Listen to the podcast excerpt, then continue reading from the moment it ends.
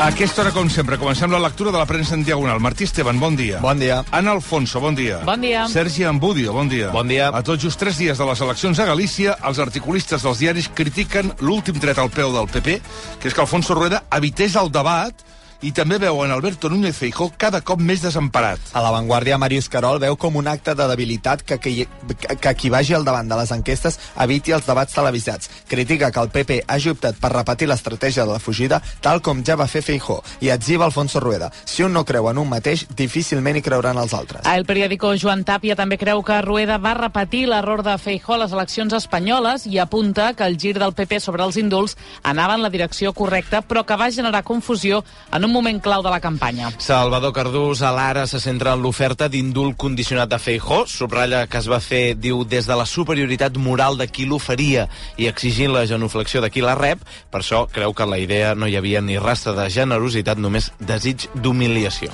El Nació, Joan Serra Carné, escriu una carta al votant i manifestant del PP i li diu diumenge posaràs la ràdio esperant que la campanya gallega només hagi estat un malson i si Feijó falla, desemparat, només pensaràs fins quan has d'esperar Ayuso.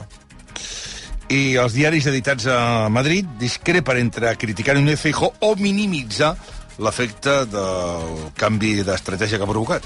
Sí, per exemple, José Antonio Zarzalejos diu al Confidencial que aquest PP no té ni mitja bufetada. Argumenta que si la dreta espanyola trava el motor, s'haurà de portar el vehicle popular a la ITB, perquè l'actual líder popular no podria continuar circulant. A Público Ponés, David Torres titula Feijó pels pèls i afegeix que està passant per una mena d'adolescència retardada, escriu, perquè va canviant d'una idea a l'altra sense acabar de decidir-se. En canvi, al Mundo, David Jiménez opina que s'ha exagerat amb la transcendència del que va dir el líder popular i diu que és absurd parlar parlar d'empat sense rebutjar l'amnistia en 24 hores i intent intentar encaixar-la al sistema durant 5 mesos. I a la Razón, Julián Cabrera posa el focus en el xoc de models entre el PP i el BNG, assegura que les eleccions no se circumscriuen només a l'àmbit autonòmic i que una victòria dels nacionalistes gallecs seria inquietant, diu, per l'àmbit constitucional.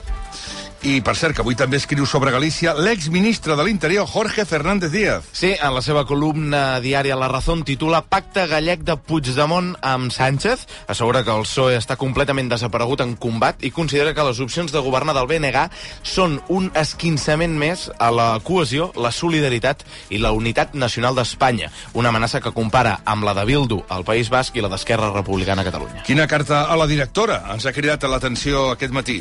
La que escriu Joan Bilbao al País. Explica que li van robar el DNI fa 10 anys i tot i que ho va denunciar en el seu moment, ara encara és víctima d'estafes. Divendres, sense anar més lluny, van fer servir el seu DNI per quarta vegada per contractar un servei. Per això demana que es combati la delinqüència i conclou. És una vergonya que continuïn passant aquestes coses.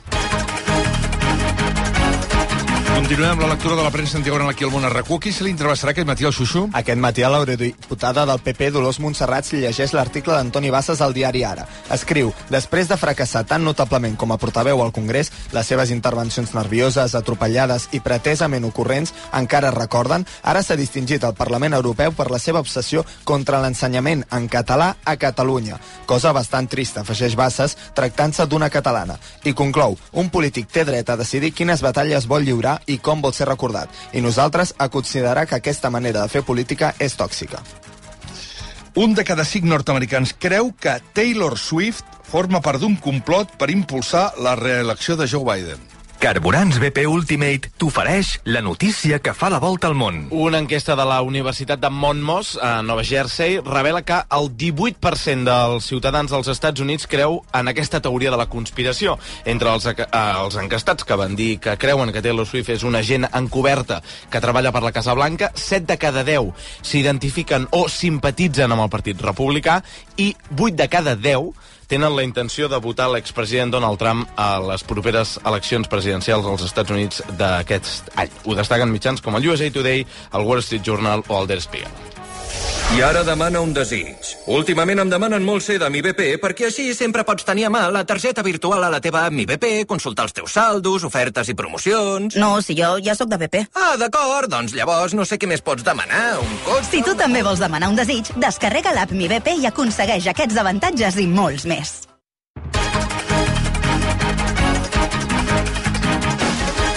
Mònica Usar, bon dia. Bon dia. Troben per primera vegada aigua a la superfície dels asteroides. Ho han fet analitzant dades de quatre grans asteroides i han vist que eren riques en silicats i, a més, en dues d'elles han pogut captar molècules d'aigua. L'aparell que han fet servir per la troballa és el mateix que va trobar aigua a la cara il·luminada de la Lluna. Aquest descobriment ajudarà a trobar com va arribar l'aigua a la Terra i donarà pistes de com buscar vida dins del nostre sistema solar i també més enllà. La notícia ensucrada. Un home de Califòrnia va morir fa 7 anys, però encara ara, cada 14 de febrer, envia a la seva dona un ram de flors amb una targeta. Just abans de morir va deixar unes precises instruccions perquè per Sant Valentí, sens falta, facin arribar a la seva dona, Diana, un regal romàntic. Se'n fa ressò al USA Today. Oh, ara qui pensava? El 14 de febrer la, la, la...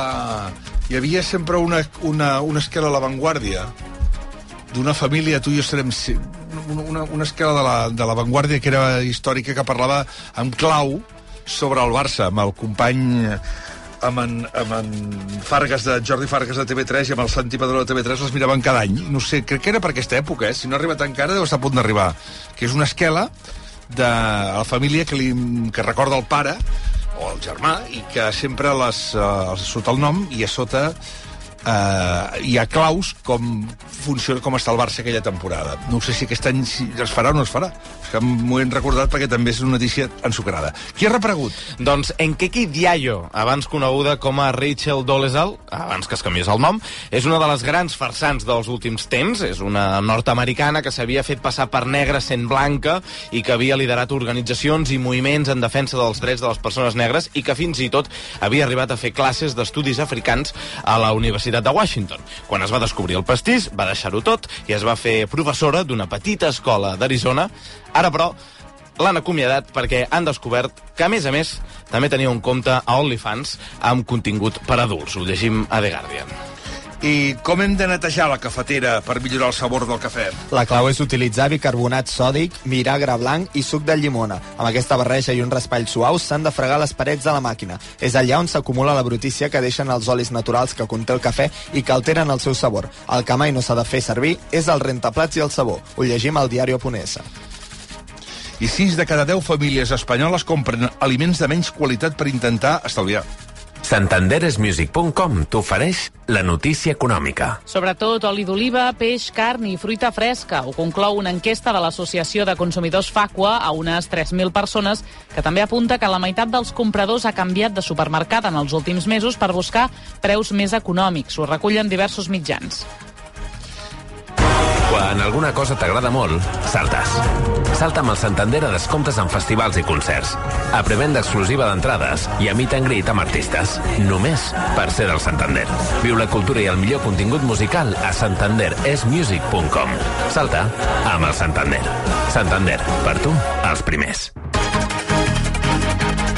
I quin compte de TikTok hem descobert a tres quarts clavats de 8 del matí? Doncs un de ben explícit. Día un cagando en lugares públicos.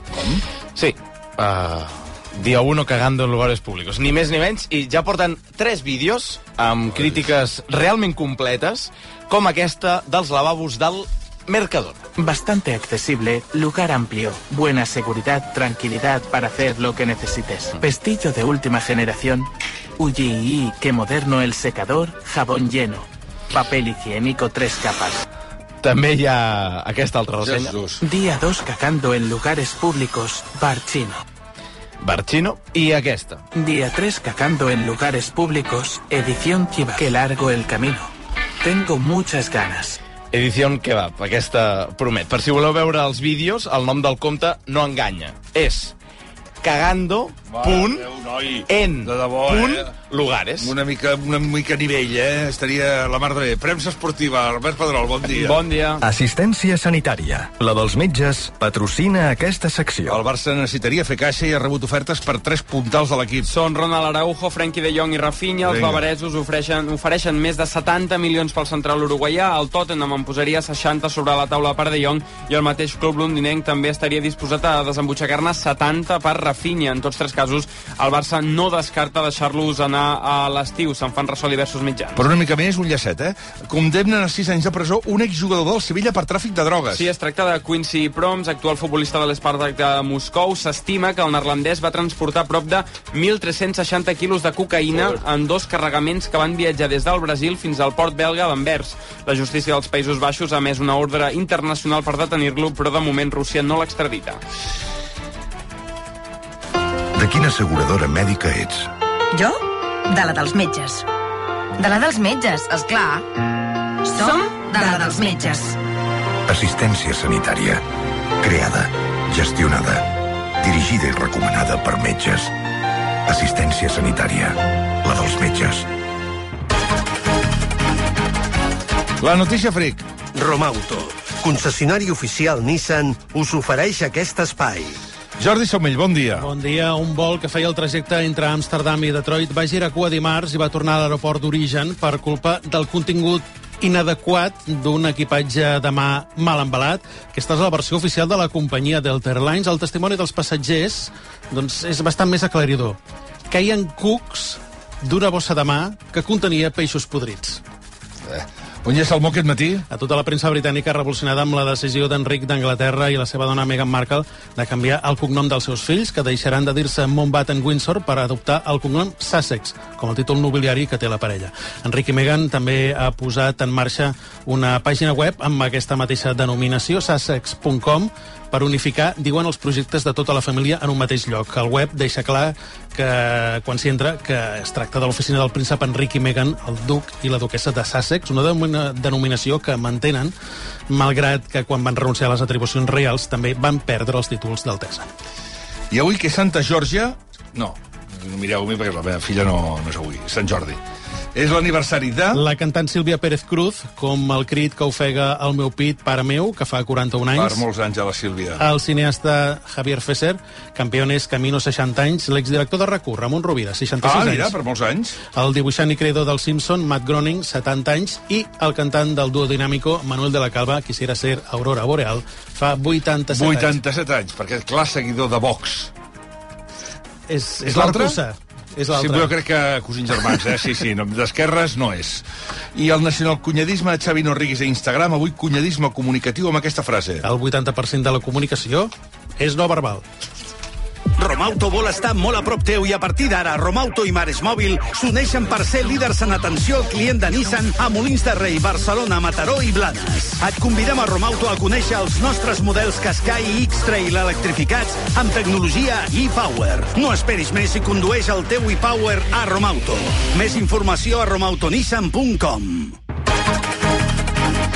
I quina contraportada no ens podem perdre avui en Factor Energia, Martí? La del País, que entrevista el cantant Albano. Encara recorda quan l'any 61, amb 17 anys, va decidir deixar la seva humil vida d'agricultor per provar sort amb la música. Avui, amb 80 anys, és una llegenda viva de la canzone italiana. Han passat 25 anys des que va deixar de cantar amb Romina Power. Confessa que ell ja veia venir que es separarien i que va ser Romina qui va decidir deixar de cantar amb ell. De la polèmica per la cançó Zorra que anirà a Eurovisió, representant Radio Televisió Espanyola, diu que a Itàlia passa el mateix. Com més paraules fortes posis a una cançó, millor et va. Plutó! Ganímedes! Para d'esperar que trobem un altre planeta. Instal·lem i financem i fins i tot paguem l'instal·lació fotovoltaica de la teva comunitat, unifamiliar o empresa. Suma't a l'autoconsum. Per fi hi ha un altre llum. Factor Energia. Empresa col·laboradora amb l'esdeveniment Barcelona Question Challenge.